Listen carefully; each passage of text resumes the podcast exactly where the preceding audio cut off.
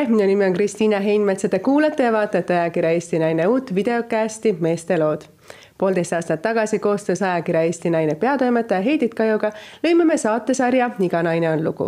Neid saateid on tänaseks kuulatud juba väga palju ja meil on ka palju kirjutatud teemal, miks ei ole stuudios meil mehed. sellest ka selline saade Meeste lood. me loodame selle saatega lükata ümber need teemad, mida peetakse stereotüüpselt Eesti meeste omadeks. ehk Eesti mees on sõnaaher ja ei julge rääkida ja sõna võtta teemadel, mida peetakse justkui naiselikeks teemadeks tere tulemast saatesse, Margus Tsahkna, sa oled mul täna esimene külaline, nelja lapse isa, endine poliitik ja täna siis ettevõtja väga tore, et kutsusid. aitäh, et sa tulid. Äh, sinu abikaasa käis mõnda aega tagasi meie saatesarjas Iga naine on lugu. me vestlesime temaga pikalt ja oi kui äge abikaasa sul on. ma olen täiesti nõus, ma olen täiesti nõus ja ta ütles ka, et äh, Costa Ricast, kus ta täna praegu viibib äh, selle saate salvestuse ajal, et muidugi mine ja, ja räägi, mida tahad oh,. aitäh sulle, väga armas. et ma tean, et kui ma helistasin sulle siin mõni päev tagasi enne selle saate alustamist, ütlesin, et kas sa oled see hunt Kriimsilm ja see hunt, kes hüppab koos minuga vette ja tuleb mulle esimesse saatesse ja see julgustus, mis sa mulle andsid, oli väga imeline, aitäh sulle selle eest ja äh, mind kui naist imestas see, et sinu kõrval oli väikese lapse häälitsused. sa rääkisid, kuidas sa pead oma päevaplaani ära koordineerima, sa kohe annad teada, kas sa saad tulla salvestusele, et kas sa saad oma lapse ära koordineerida, see on ju midagi erilist, et üldiselt mehed ei ole ole lastega kodused? no õnneks üha enam äh, mehi on äh, ja ma vaatan ka oma sõprusringkonnas ringi, et äh, no meil on nüüd neli last ja meil on nii-öelda teine põlvkond, et esimesed lapsed on siis täna kuusteist, viisteist ja nüüd on siis neli ja kaks peaaegu. ehk siis selle kahe nii-öelda põlvkonna vahe on ka väga suur ja mu enda mu suhtumine on ka tegelikult muutunud. ja see on ka minu jaoks olnud väga teadlik valik, et kui ma siin mõned aastad tagasi ma otsustasin aktiivsest poliitikast lahkuda ja ühele oma karjäärile tõmmata nii-öelda kriipsu peale või lõpetada ära. Eh, siis mul ei olnud mingit plaani nagu, millega ma edasi tegelen ja meil on tegelikult ka siis mingisugust teadlikku plaani, et meil sünnib veel lapsi perre. aga see kõik tuli ja, ja siis ma otsustasin ka, et ma nüüd panustan rohkem ja, ja ma võin öelda, et see on olnud üliõige otsus ja see on väga arendav otsus olnud just võib-olla mehena arendav otsus, et sa oled päris on... isa, sa oled päris isa. ei no ma olen ka olnud varem päris isa aga otsus näiteks, et peaaegu poolteist aastat olla väikse beebiga kodus hommikust mm, õhtuni näiteks. et noh, isad tunnevad oma rolli, et kui juba lapsed on natukene vanemad ja suhtlevad ja kõnnivad, et siis äkki see roll tuleb. aga tegelikult see, mida just nimelt väikelapsega, noh, väga väikese beebiga pidevalt kodus olles, kuidas seda rutiini taluda ja ja see on tegelikult kõva väljakutse ja, ja tegelikult sa hakkad palju rohkem aru saama oma naisest, naistest üldse rohkem, noortest emadest eelkõige. ja, ja sul on nagu tekib olukord, kus sa pead ennast, enda käest küsima ka selliseid igavikulisi küsimusi, et aga mida sa siis elus tegelikult nagu tahad. Et muidu kõik see jookseb kiirelt mööda ja sa kogu aeg teed mingeid tähtsaid asju, aga siis sa saad aru, mis on tegelikult tähtis sa mainisid nii ilusasti, et kui sul esimesed lapsed olid väiksed, olid ju sinagi ikkagi keskendunud tipp-poliitikuna karjäärile ja Anna-Greta ütles, et ka ta oli kodune ja ta tundis kõiki neid tundeid, mida nüüd sina, olles kodus poolteist aastat oma väiksega, et mis olid need esimesed raskused, mis sind võib-olla üllatasid kodus oleva isana? Ma arvangi, et see pidev äh, mingite toimingute tegemine, et kas lapse magamapinemine, toitmine, mähkmete vahetamine, nende pesemine, mitte mähkmete pesemine, vaid, vaid noh. lapse eest hoolt kandmine. lapse eest hoolt kandmine, et need on tegelikult sellised väga rutiinsed tegevused kokkuvõttes on ju, kui sa mõtled väikelast, noh päris väikest last ja see ühtepidi pakub ju palju rõõmu, aga teistpidi see ju kordub, seal ei ole ju mitte mingisugust erilist väljakutset. noh, selles mõttes vaimset väljakutset et selle talumine äh, heas mõttes, selle mõtestamine, et see oli üks teema võib-olla. et äh, ja, ja siis sa nagu tunnedki seda ma arvan, et teema ei olnud isegi niivõrd palju, et seda aja planeerimine, see aeg oli võetud, see oli otsustatud, aga et kuidasmoodi sa siis mõnes mõttes sellest kiirest elust kõrvale astununa äh,. kuidas sa sellega hakkama saad ja ma arvan, väga paljudel emadel ongi olnud sama teema, et noh, ongi otsus, et laps sünnib, äh, jäädakse koju meie vanemahüvitise süsteem on olnud ka nii rikkalik, et eh, noh, nüüd on õnneks need reformid tehtud ja, ja ma ise sotsiaalkaitseministrina neid reforme tegin, et muuta seda nagu paindlikumaks, et anda rohkem võimalusi eelkõige emadele otsustada palju nad kodus on ja kui, kuna mingi see perioodi jooksul, et see ei pea olema poolteist aastat ja sa võid ka tööl käia osaliselt ja sa saad oma mehega jagada seda näiteks seda perioodi. ma näen, et see võiks olla hoopis seitsmeaastane kuni lapse koolimiseni, minemiseni. Et aga, aga see on olnud selline nagu jõhker valik tegelikult väga paljudele naistele, kes on tahtnud näiteks ka tööelu elada ja karjääri teha. et nüüd sa pead jääma koju.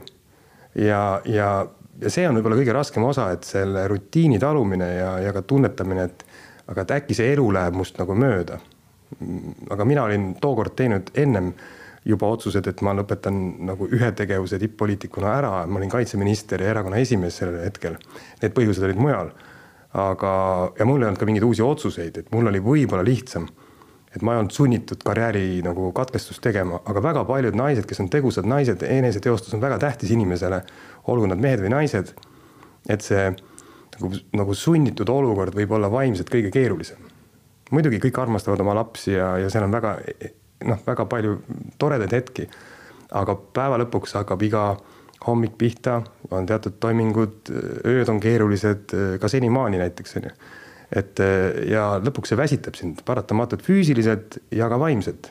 ja nüüd ongi, me olemegi arutanud Anna-Gretaga, et kuidas siis nagu tekitada olukord, et nagu kõik saavad nagu kõike teha, et, et laste sünd ei tähenda seda, et sa pead valima, kas töö või pereelu. ja noh, see eeldab muidugi sellist väga nagu head või arusaadavat nagu partnerlussuhet ja, ja ka teise kuulamist, et mida teine tahab teha et ega lapsed on alati esikohal, et lapsed saavad alati ju hoolitsetud ja armastatud. aga et, et kuulama nagu teist poolt, et aga mida tema tahab teha. ja see on üks, üks suur õppetund olnud, et, et ei ole sellist stereotüüpset nagu rolli, et jah, et lapsed sünnivad, ema jääb koju, isal on vaja tähtsaid asju ajada või ka vastupidi, et ainult isa jääb koju ja ema siis ajab öö, oma asju tööalaselt, kus iganes, et, et tegelikult on see mingisugune kombinatsioon. Et mõlemad peavad saama teha võimalikult palju seda, mida nad tahavad ja siis nad tahavad ka tegelikult teha ja tegeleda oma lastega ja, ja, ja noh, vaadata otsa nendele raskustele, mis paratamatult väikeste lastega on. see on kõigile teada. kuidas te sellise otsuseni jõudsite, et ma kujutan ette, et seda ei olnud kerge teha? et leida see kompromiss kahe partneri vahel, kes mõlemad ju tollel hetkel, kui te kolmas laps sündis, olite orienteeritud mõlemad ju karjäärile ma arvan, et see on tulnud kuidagi väga iseeneseslikult ja võib-olla, mis, mis võib-olla Anna-Greta on olnud ka kindlasti minu selliste suhtumiste muutja, et äh, Anna-Greta on alati seisnud ka avalikkuse ees selliste noh, see sõna kõlab natuke õõnsalt võrdsete võimaluste eest, aga, aga ilma naljata, et inimestel olekski võimalikult palju võrdseid võimalusi langetada otsuseid ja ma arvan, et võib-olla paarkümmend aastat tagasi olin ma rohkem stereotüüpne mees, ilma naljata, ma olen ka juba neljakümne nelja aastane täna. aga just, et aru saada seda, et, et ei ole ainult ühte tõde, on ju, ja koos e-, elust läbi minna saad sa siis, kui sa arvestad teise poolega ja kui teine pool saab öelda, mida ta tahab. ma mõtlesin just nimelt aast-, veel selle aasta alguses, et mis ma nüüd nagu selle aasta jooksul teen või kuidas ma oma elu nagu muudan nagu vaimselt ja siis ma mõtlesingi, et võib-olla ma liiga palju mõelnud, et kuidas nagu üldiselt kõigil hästi läheks ja kuidasmoodi nagu oleks võimalikult hea selline lahendus, et kõik osapooled ja kõik kuidagi abstraktselt oleksid rahul. ja siis sa nagu kaotad ka enda selle sisse ära. ja siis ma mõtlesin, et kui mõtleksin korra nädalas, võib-olla üle päeva või niimoodi, et aga mida mina tahan. mitte, et mida mina tahan, vaid mida mina tahan. mis on su vajadus? jah, et mida ma tegelikult, mida mina tegelikult tahan ja ma eeldan seda ka näiteks Anna-Gretalt või oma lastelt või, või oma sõpradelt või oma töökaaslastest, täpselt samamoodi. on palju lihtsam siis äh, jõuda sellistele kokkulepetele. väga tihti ei teata ju ka, mida teine pool tegelikult tahab. ei julgeta väga, rääkida. ei julgeta rääkida ja siis võetaksegi enesestmõistetavalt, et noh, ta ju tegelikult ju asjad on okei okay,, aga võib-olla see teine pool hoopistükkis on teinud mingisuguse väga suure kompromissi enda tahtmistega, enda eneseteostusega, et kuskil see võti on seal et see julgus rääkida ka omavahel, et Anna-Greta väga selgelt on täna äh, ühe globaalse ettevõtte juht ja asutaja, teeb äh, puidumaailmas, mis on väga konservatiivne ja mis on meestemaailm sõna otseses mõttes. teeb väga suurt muutust, digitaliseerides seda protsessi. ja minu ettevõte äh, ja mina aitan tema ettevõttes siis teha just neid valitsussuhteid üle maailma. ja see tähendab seda, et näiteks Anna-Greta hetkel on kaksteist päeva Costa Rical tegemas tööd. Mina olin detsembris kaks pool nädalat Brasiilias ja nii edasi, et noh, see, see tähendabki seda, ja, ja noh, mul on, mul on veel teisi ettevõtteid, millega ma tegelen, ma toodan sõjaväe välihaiglaid, mis on jälle väga karm teema, aga mille klientideks on teised valitsused, ehk siis ka minul on kodust äraolekut päris palju. ehk siis kuidas leida see kompromiss on ju omavahel.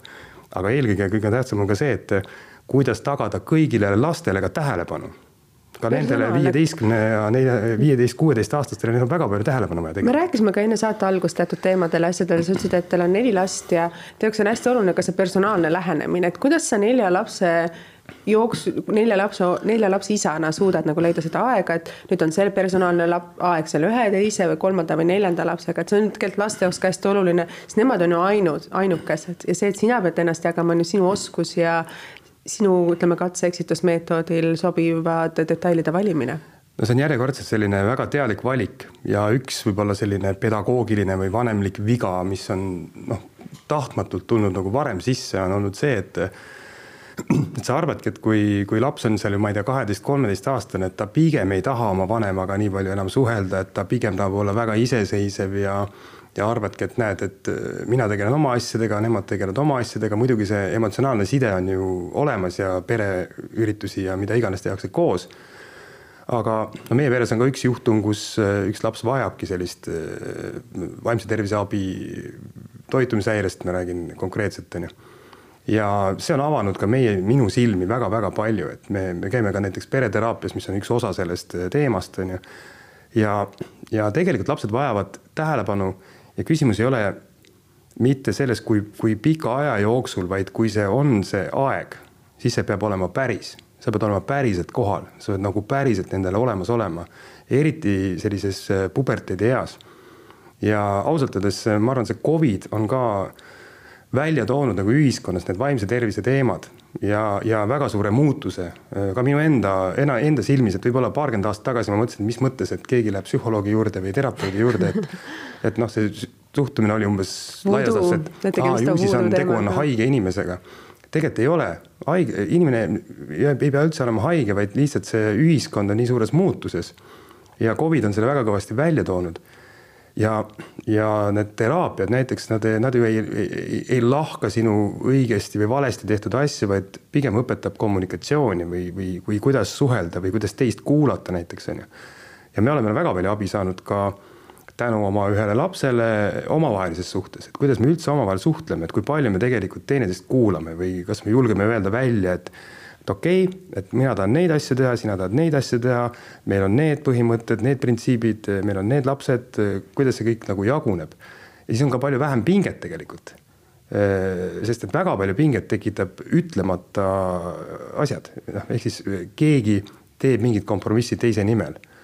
on võimalik, muidugi tulebki kompromisse teha, aga on võimalik ju otsuseid ikkagi langetada, kui sul on võimalikult palju infot ja see info tuleb ju kellegi teise käest ja suhtest tuleb see info ikkagi teise poole käest ja kui sul on omavahel selline nagu arusaamine, et te armastate teineteist, te tahate koos olla, siis sa leiad ka lahenduse. kui nagu asjad on väga kaugeks, juba asjad väga hulluks läinud, ma saan ka nendest inimestest aru, kes siis otsustavad, et me ei sobi kokku, et me ei taha enam koos olla, see on ka okei okay., et aga noh, siis võiksid need protsessid olla sellised, et vähemalt need lapsed ei jää sinna vahele. noh, on küllalt neid lugusid, kus saetakse lapsi reaalselt pooleks ja käiakse, käiakse kohtus on ju. et noh see on see lühidalt öeldes. sa ütlesid väga ilusasti, et üks laps õpetas teil paarisuhet mõistma paremini sul oma abikaasaga, et, et kuidas te nagu selleni jõudsite? me jõudsime väga karmide reaalsete tulemusteni, kus me nii-öelda nägime lapse pealt, et asjad on väga halvad ja me hakkasime sellega tegelema ja väga paljudel tuttavatel minu vanustel, kellel on samaealised lapsed, äh, tegelikult on, on sarnased probleemid ja õnneks on äh, julgetud hakata sellest rääkima avalikult, on julgetud hakata abi küsima. et see abi küsimine on kõige olulisem hetk ja probleemi tõsiduse, tõsiduse tunnistamine endale ka. et need asjad ei lähe mööda ja tuleb tegeleda ja, ja ma võib-olla, võib-olla see juhtum või juhu, noh, see, see, see olukord oli meile nagu selline äratuskell, et me peame ümber vaatama või üle vaatama, et kuidas me oma elu elame, sest me oleme kõik tegusad inimesed, tegeleme erinevate asjadega. et me tegime korra sellise nagu stopi, et äh, vaataks korra üle, et kõik oleksid laua taga, et kõik oleksid kaasatud, et keegi ei jääks maha. Et mis me, mis me selle jaoks peame tegema. ja me küsisime abi. kui te istusite seal laua taga, sa ütlesid, te istusite laua taha, noh, faktiliselt või mitte faktiliselt, et mis olid need küsimused, mis, mis teil siis nagu välja tulid, millele te ei olnud vastust otsinud või vastust äh, mõelnudki, et sellised küsimused on olemas, mida me peame lahendama?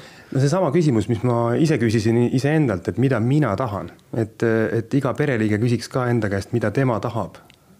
minu puberteediaegne poeg, poeg ta küsiks enda käest, mida tema tahab tegelikult ja mida tahab tema meilt, mida ta tahab oma isalt näiteks või emalt täpsemalt on ju. et oleksid ausad suhted selles mõttes, et eh, noh, ma väga tihti nagu ikka, et esimene tütar on kõige armsam ja, ja kõige või ainuke tütar tegelikult, ülejäänud on poisid. et siis ma alati lähen oma tütart nagu kaitsma või, või isegi vaatan, kuidas neil nagu oma emaga või Anna-Gretega suhted on ja see ei ole tegelikult nagu minu asi, tegelikult igaüks peab omama oma liine, et need kolmnurki nagu suhetes noh, need ei tööta, et tütre ema suhe on üks suhe, tütre isa suhe on teine suhe, minu suhe oma abikaasaga on kolmas suhe, minu suhe oma pojaga või poegadega on neil eraldi suhted, on ju. et noh, sellised asjad, sellised teemad, aga tähtis on, et julgeda öelda ausalt, et mis ma tahan. ja, ja, ja see ongi see ümber ühe laua nagu tulemine ja, ja sealt tulevad lahendused väga suur teekond, mis sa oled tegelikult läbinud ja et sa julged nagu seda ka mehena tunnistada, sest üldiselt mehed ei kipu sellistel teemadel rääkima ja teraapia on see, millest nad pigem eemale hoiavad ja ei pea seda vajalikuks. no täpselt, see on see kuvand, et mehed on sellised karmid ja jõrmid ja vastutavad äh, globaalse kliima soojenemise eest, aga ma arvan, et naised on palju tugevamad kui mehed. ja siis kunagi siin mõned aastad tagasi kutsuti mingeid mehi pehmodeks, on ju, kes julgesid tegeleda pereteemadega. aga vastupidi, see on nagu väga karm maailm, et eh, pigem see ei ole üldse mingi nõrkus, kui sa julged otsa vaadata reaalsele olukorrale ja, ja kohendada oma käitumust või isegi arusaama eh, nendest stereotüüpsetest lahendustest välja, aga, aga tõsi on ka see, et ega need ju mustrid ju korduvad lihtsalt ju põlvkondade kaupa ja sa pead kuidagi mõtestatult vaatama otsa, et kust need tulevad, on ju. Need ei ole üldse halvad asjad tegelikult, ei ole olemas niimoodi, et midagi on väga halba ainult, et sa pead lihtsalt vaatama, et kuidas see tegelikult sobib nagu sellesse põlvkonda näiteks, et me meie lapsed on hoopis teisest põlvkonnast, hoopis teises ühiskonnas, see on nii suures muutuses, kogu see kommunikatsioon, räägitakse arvutisõltuvusest ja nii edasi. see ei muutu enam, see on seal, nüüd on küsimus, et kuidas me kohaneme nii, et me jääme terveks nagu inimestena. noh, see on see küsimus. me võime öelda, no alati on öeldud, et et kõik noored või see järgmine põlvkond on hukas. noh, tegelikult ei ole hukas, vaid on lihtsalt teine aeg. ja see hõlmab teisi kommunikatsioonikanaleid, aga inimestena me jääme samasuguseks. meie aju on ikkagi ju väga pika aja jooksul niimoodi välja arenenud, nagu ta on. et selle tunnistamine ei ole nõrkus, on, arvan mina. ei meestele ega naistele väga õigesti öeldud. kuidas sa ise nagu tundsid ennast, kui sa olid ju tegelikult Eesti riigi üks juhtival positsioonil, kaitseminister ja siis sa jätad kõik need detailid endale, paned riiulisse, pakid kokku ja teed täitsa täie, teistmoodi valikud oma elus. et võtsid otsust, no ma küsin su käest ka enne seda, siis sa ütlesid, et, et see ei olnud nagu sinu jaoks nagu oluline või tähtis, et sa võtsid selle otsuse vastu ja nii oli. aga kui raske või lihtne ikkagi seda, sellele otsule, otsusele kindlaks jääda oli, sest me võime teha otsuseid, aga me võime ümber mõelda, me võime neid kokku leppida asju muuta ju tuhat korda mul on üks äh, isikuomadus, ma ei tea, kas see on hea või halb, et kui ma midagi ära otsustan, äh, siis ma teen niimoodi. et kui ma otsustan, et ma tahan äh, siit stuudiost minna sedakaudu välja, seal ust ei ole, et uks on seal, on ju, ma lähen ikkagi siit välja lõpuks. et võib-olla see on nagu isikuga seotud, aga see, see lugu on natuke pikem, et ma olin kolmekümne. tegelikult väga mehelik asi, et kui ma langetan otsuse, siis nii on ja ma jään oma otsusele kindlaks. noh ma ei tea, kas see on mehelik või naiselik, ma olen oma elus, ka Anna-Greta on väga otsustuskindel inimene, kui ta on otsustanud muuta maailma metsasektorit läbipaistvaks ja digitaalseks, siis ta teeb seda ja, ja ma olen absoluutselt veendunud, et ta teeb selle ära. ta juba teeb seda. ja, aga see lugu läks kaugemale kuskil, ma, ma ei tea, miks kuskil kolmekümne kolme, nelja aastasena ma, ma nägin tegelikult seda poliitilist süsteemi väga lähedalt, ma olin osa sellest. ja ma nägin ka seda, et jumala toredad inimesed on jäänud liiga kauaks sinna kinni ja isegi ma sain aru, et see ei pruugi olla nende enda valik. aga kui sa liiga kaua oled midagi teinud ja noh, poliitikas noh, näiteks Riigikogu liige olnud, siis mingil hetkel sa jõuad ka mingisse vanusesse, kus sa hakkadki kartma, et äkki sul ei olegi mingit muud väljakutset või äkki sa ei saa hakkama, ma ei tea, erasektoris või sul keegi noh, kuna sul on ka poliitiku tempel otsa ees. et äkki sa ei saa enam, no ma ei tea, kui sul on ka lapsed ja pere ja ma ei tea, pangalaenud, mida iganes. ja inimesed hakkavad nad jäävad sinna kinni, nad hakkavad mõtlema ainult sellele, kuidas tagasi valitud saada. ja nad unustavad ka ära üldse, miks nad seal poliitikas on või miks nad tulid midagi muutma, midagi paremaks tegema. ja neid inimesi on väga palju, ka Eesti poliitikas üleüldse demokraatlikes süsteemides, nii-öelda elukutselised poliitikud. aga selle taga ei pruugi olla mitte alati see, et neile see töö tohutult meeldib, aga nad ei julge enam teha muutusi oma elus. ja siis paratamatult hakkad sa hoidma seda, mis sul on, ehk siis sa hakkad hoidma seda Riigikogu liikme kohta või valitsuse liikme kohta. ja ma mõtlesin, et kui ma seal kolmekümne kolme, nelja aastasena, et kui ma saan neljakümneseks, see tundus mulle kunagi mingi müstiline tulevik, et mida kunagi ei juhtu, on ju.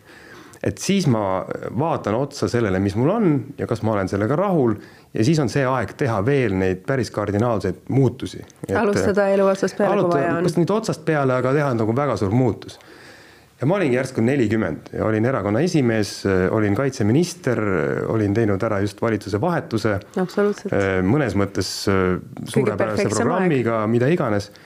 aga siis ma järsku sain aru, et äh, meil on nagu maailmavaatelised erinevused selle erakonnaga, enamusega, äh, kes olid seal juhtkonnas, kelle esimees ma olin. ma olen väga selgelt liberaalsem inimene, ma arvan, et isikuvabadused on tähtsad, homod on inimesed nii-öelda, see kõlab väga robustselt, aga tegelikult oleme ausalt selliste teemade üle käisid arutelud veel mõned aastad tagasi on ju. mis tegelikult tundub absurdne. absurdne jah, ja, ja, ja teine oli see, et kui sisu suhtes oli, olin, ma sain aru, et ma olen, ma olen hoopis teisel teel.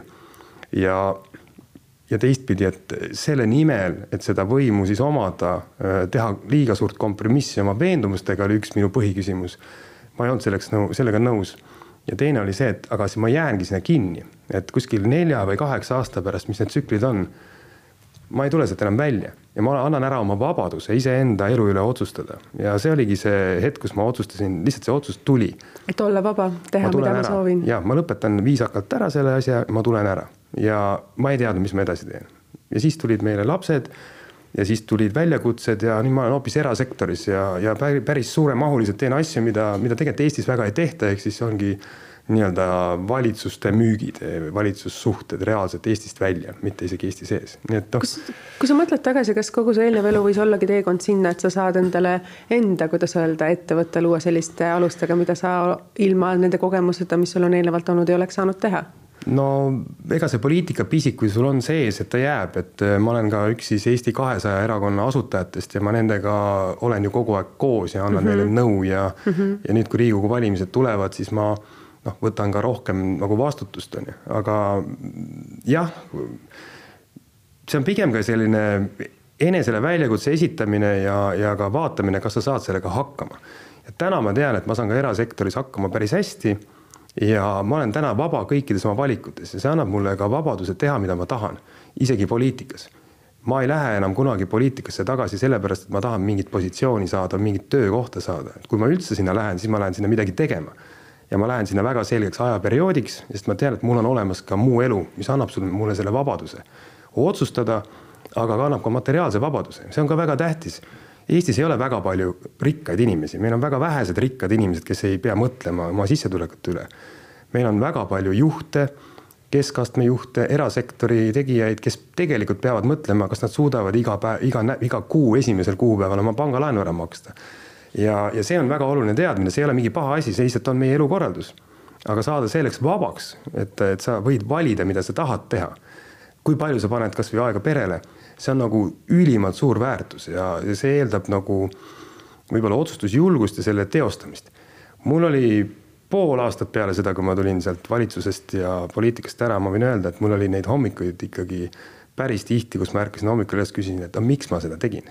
et noh, nii-öelda väga paljud poliitikud oleks väga palju andnud selle eest, mis mulle noh, oli, oli olemas sel hetkel aga mida päev edasi läks, seda rohkem ma sain aru, et eh, see oli ainuõige otsus eh, just enda suhtes eelkõige. ja, ja ma julgustan inimesi mitte poliitikas, vaid ka mingites muudes valdkondades, et kui see tunne on peal, et, et sa jääd sinna kinni. et see ei paku sulle enam selles mõttes, vähemalt selles hetkes eh, nii palju, et, et julga, julgeda muuta oma, oma võib-olla kogu elu hoopis teisi väljakutseid vastu võtta. et Eesti on selles mõttes suurepärane koht, et ma arvan, et et siin on väga vähe sellist korporatiivset, et, et kuhu perre või kuhu majanduslikku klassi või kuhu iganes sa oled sündinud, sinna sa jääd, et meil on tegelikult, kui sul on hea idee, siis sa saad selle ellu viia sa rääkisid, sa julgesid teha, kuidas öelda, poliitikast, hüpata pea ees vette, panna asjad põhimõtteliselt riiulile ja sa ju tegelikult ei teadnud, kas sa suudad mehena maksta esimeseks kuupäevaks selle pangalaenu võib-olla. põhimõtteliselt äh, olukord oli praktiliselt ju selline, sest poliitika on ikkagi kõrgepalgaliste ja valdkond. ja sa ütlesid seda, et sa julgesid seda teha nagu ettevõtjana ja nagu isiksusena, aga isana sa tegid samasuguse julgusotsuse, et sa jääd koju lastega. et sa teed ka, muutud ka mitte ainult oma tööalaseid väljakutseid ja asju, vaid sa muutud ka inimesena, sa muutud ka mehena. et kuidas sa nagu selleni nagu jõudsid, sest noh, kõik see, mida sa nüüd oled teinud viimastel aastatel on ju hoopis midagi muud kui see, milles sa ütlesid kakskümmend aastat tagasi uskusid mõnes mõttes no mul oli, teoreetiline baas oli väga tugev, kuna ma olin olnud äh, Riigikogus sotsiaalkomisjoni esimees ja ma olin, ma ei tea, paar paar aastat või kaks pool aastat ka see sotsiaalminister on ju, ma tegelesin nende teemadega, nende suurte reformidega, et muuta äh, naiste, eelkõige emade töö ja kodu, töö ja pereelu nagu liberaalsemaks ja paremaks ja niimoodi ja lõpuks ma vaatasin, et aga mul on see kõik nüüd täna ees, ma olin nagu iseendale selle poliitika teinud. kolmanda lapse poliitika, kõik need, kõik need, no kõik need, need poliitilised muutused, mis olid päris suured. järsku ma sain aru, et äkki see on mingi, mingi selline hetk, et need on kõik nüüd jõus. ma olen kogu aeg rääkinud, et seda on vaja ja vaadake, mida noored emad kodus umbes peavad, mis oludes ja kuidasmoodi, millised võimalused. järsku ma olin ise see noor ema, sõna otseses mõttes. ja ma ütlesin, et ma, see oli nagu mõnes mõttes väga lihtne või mingi sihuke saatuslik äh, hetk, et ma olen nüüd ise see inimene, kellest ma rääkisin või kelle, kelle jaoks neid poliitikaid muudeti ja ma nüüd ise lähen ja olengi see ja, ja see andis jumala hea pildi tegelikult noh, teoreetilisele kõrvale ka praktiline pilt.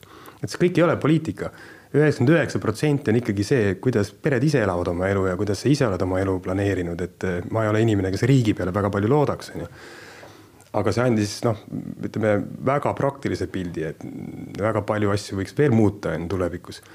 ja teine pool samamoodi ettevõtjana, et eh, ma olen arvanud, et ja ma arvan, Eesti poliitikud kõik on väga ettevõtjasõbralikud aga tegelikult sa ei tea, mis see on. sa tegelikult ei tea, sa ei ole muretsenud, et kas sul on lepinguid, kas sul on käivet, kui palju makse sa tegelikult ära maksad eh, reaalselt, on ju eh, noh, kuidas sa üldse toime tuled eh, Covidi tõttu, kuidas sa üldse liigud globaalselt ringi, no mis on nagu minu, minu tegevus tegelikult on Eestist välja. et ja nüüd ma, kui ma kunagi peaksin näiteks riigi tasemele tagasi minema poliitikasse, mul on päris teistsugune pilt. ma tean päriselt, noh, ma olen ise selle läbi teinud kuidas asjad on, kuidas ja. makse maksta, kuidas no näiteks... omada mõnes mõttes hirmu, et kas ma täpselt nagu sa mainisid, Covidi ajal saan hakkama ja. oma ettevõtte juhtimisega. või näiteks, kui sul peres ongi noh, on, tekivad mingid probleemid, et eh, kui keeruline on eh, see bürokraatia, eh, et saada abi näiteks või, või see vaimse tervise pool, mida on alaväärtustatud tegelikult. kui vähe on neid inimesi, kes professionaalselt tegelevad, kes on tohutult ülekoormuses täna, on nad psühholoogid, on nad psühhiaatrid, on nad nõustajad kui habras on see süsteem, äh, et sa pead ikkagi täie rauaga tegelema, et saada oma abimeeskond kokku. kui sa saad selle kokku, siis need inimesed, kes seda tööd teevad, on suurepärased inimesed, aga nad on täna ka totaalses ülekoormuses, näiteks kasvõi see lugu. et see on väga palju avanud mu silmi, et varem sa vaatad paberi peal, sa loed neid tekste loed neid analüüse, saad aru, jah, aga sa ei saa aru tegelikult, mis see on mida sa oled avastanud, ütleme selles vaimse tervise süsteemis, Eesti süsteemis, et mida on seal head ja mis vajaks võib-olla veel tegemist, sa ütlesid, et on palju teemasid ja probleeme, millest tegelikult ei taheta rääkida no ma arvan, kõigepealt üldse, et inimesed teadvustaksid, et abi küsimine või, või sellise teraapia abi saamine on normaalne. teiseks, et vaadake palun oma, oma pubekaid või isegi varasemaid, vaadake oma lastele korra otsa või suhelge nendega, saage aru, et kas nad tunnevad ennast kas üksinda või kas neil on mingid mured, rääkige nendega. kui asjad on tõsisemad, siis minge küsige abi, olge neile toeks. ja süsteemi mõttes lihtsalt ta on killustatud, et ta on nagu erinevad tasemed. sa pead ise väga palju vaeva nägema, et meeskond kokku panema, aga kõige rohkem on lihtsalt puudu inimestest, kes seda tööd teeksid.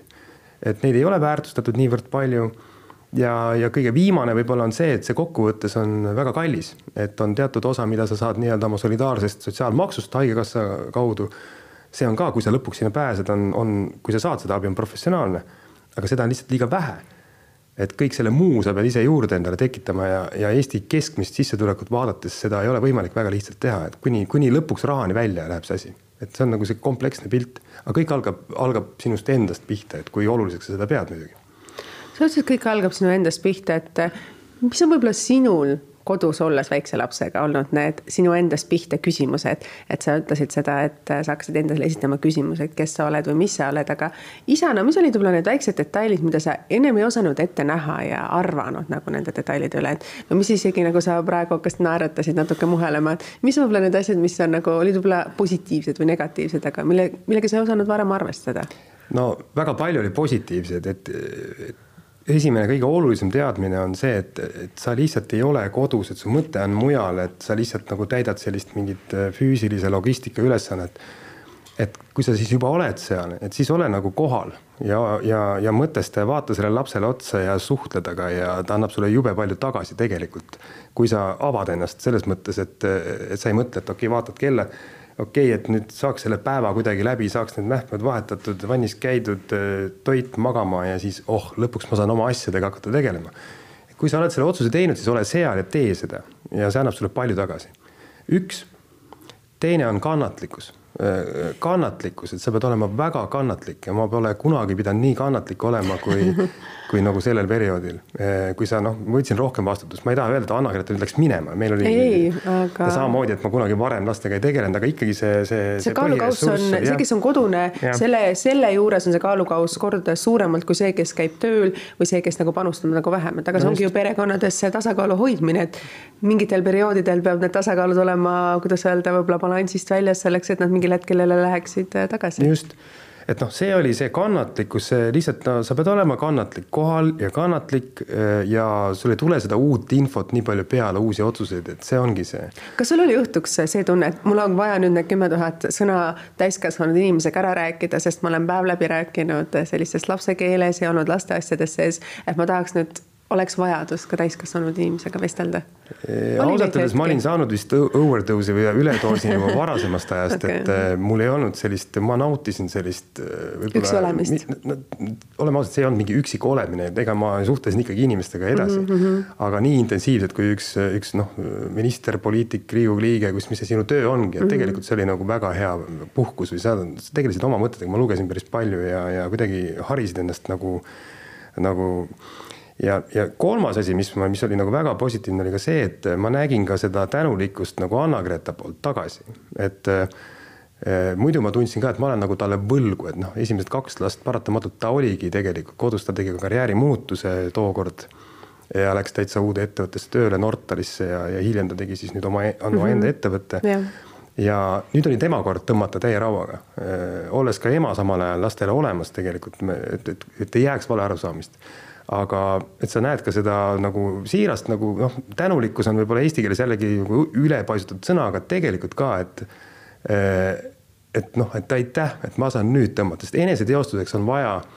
õnneks on vaja eneseteostust, on ju, eneseteostus noh, kõik lapsed on tähtsad ja nii edasi, aga tegelikult me kõik, mehed ja naised, me tahame teha ka midagi muud kui lapsi kasvatada. me tahame tunne, tunda ennast väärtuslikuna. tunda ennast väärtustatuna. see, kui teine tähtsana, pool võtab ja. selle osa mingil hetkel enda kanda ja sa näed, et ta, ta väärtustab seda, mida sa teed, et see on kõige olulisem asi ju tegelikult ühes suhtes. et need on need, need on need äh, asjad ja see on täitsa nagu uus uus pilt, mis avaneb ja ma kutsun küll üles langetama neid otsuseid, võtma neid riske võib-olla ja, ja noh, ja proovima, anda võimalus ja julgeda välja öelda ka, et mis sa, mis sina tahad isiklikult kuhu nüüd edasi, et äh, mõlemad te olete nüüd äh, ettevõtlikud, lapsed on juba nüüd natukene suuremad. kuidas te nüüd edasi, sa mõtled, oled mõtestanud oma elu, et äh, kuidas nagu see kaalukauss nüüd ju läheb jälle balanssi rohkem? no meil on noh, Anna-Greta ettevõte läheb järjest edasi, lapsed kasvavad. noh, minu, minu enda väljakutsed samamoodi ettevõtluses, seal ei ole piire ees täna. Samamoodi tegelikult ega see poliitika on ju väga suures muutuses täna, ma arvan, tänu sellele kriisile, mis üleüldse maailmas on ja ka Eesti ühiskonnas on suured muutused, sinna anda kindlasti mingi panus. no kõige suurem eesmärk on ikkagi saada, saada lastega korda, eelkõige, eelkõige, eelkõige selle ühe lapsega, et ta saaks nii-öelda vaimselt jalad alla ja et mul oleks süda rahul. ja, ja noh. see on väga ilusasti, mis sa ütlesid praegu, et, et sul on kõige suurem mure oma laste pärast ja sellepärast, et nendel oleks kõik hästi no aga see on tähtis ju, aga tegelikult nende pealt sa lõpuks vaatad, kui hea äh, vanem või kui hea inimene sa oled olnud. vahet pole, kas sa oled ema või isa, et nemad ju ikkagi kannavad edasi. ma arvan, et ega nagu vanemate roll ongi anda lastele võib-olla see nagu moraalne kompass nagu kaasa, et mis on nagu õige, mis on vale ja teiseks, et nad suudavad ise neid otsuseid langetada. pereväärtused. mitte ainult pereväärtused võib-olla, pereväärtused kindlasti ka, aga üldse maailmas nagu orienteeruda, et mis on, mis on, mis on õige, mis on vale. et eh, kui sa selle oma esimese, ma ei tea, kuni kümne aastaga ära teed, siis juba ülejäänud elu tuleb nii palju peale. Nad on niivõrd eh, sotsiaalsed, maailm on nii kirev, et nad peavad saama seal ise orienteeruda. ja selleks ongi seda moraalset kompassi vaja, et langetada neid otsuseid kui sa selle ära teed, siis sa näed, et sa oled hea vanem. ega ei tähenda, kui palju asju sa neile ostad või, või kui heas koolis nad käivad või, või kui palju nad käivad reisidel. see kõik on väga tore, aga see on asi, mida sa kaasa annad ja kui sa seal oled õnnestunud, siis sa seda näed alles ju võib-olla kunagi väga pikas tulevikus, et ma tahaks, tahaks selline vanem olla. aga nii ka, et ma, ma näen, et mu abikaasal on sära silmades, mul on sära silmades, me oleme ka ise saanud midagi teha. müts maha kõigi nende naiste ja meeste eest, kes päriselt ka on ohverdavad ennast laste nimel. aga, aga see ohver ei saa olla liiga suur, sest et sa kaotad iseenda ära ja lõpuks ka need lapsed kannatavad sellest. Nad tahavad ka näha oma rõõmsaid ja eneseteostuslikke õnnelikke vanemaid. see on see loogika minu arvates. aga jah, ega ega väljakutsed on igapäevased, et noh, ka, ka praegu ma olen nii-öelda üksinda nelja lapsega ja koeraga. kümme päeva, nelja lapse logistika. jah, et noh, me anname just siin järgmine nädal üle siis suure projekti Ukrainale koos Saksa riigiga nii-öelda sõjaväelihaiglad. tohutu töö käib, noh ja sa teed seda mahub... kaheaastane laps põhimõtteliselt käe kõrval no,, juhtides seda projekti. siin on erinevad abi, abimehed ja, ja see on ka asi, mida noh, tuleb endale tunnistada, et sa vajad ka abi, on see siis eh, lapsehoidjana või on see, meil on väga toredad vanaemad, kes aitavad, aga, aga kokkuvõttes sa pead olema kohal igal pool ja see on väga põnev. kõige suurem väljakutse tegelikult, kui sa küsid niimoodi, et väga-väga lihtne on, öösel veel ei saa täispikkuses magada et see on need, et kaks, unistus. kaks poissi unistus. on eraldi tubades magavad ja mõlemad äh, vähemalt korra kaks öösel ärkavad, et äh, ja sa pead olema mõlemas kohas korraga olemas, mis tähendab seda, et sa neli korda ärkad öösel üles ja kolid ühest teise. üksikisa roll.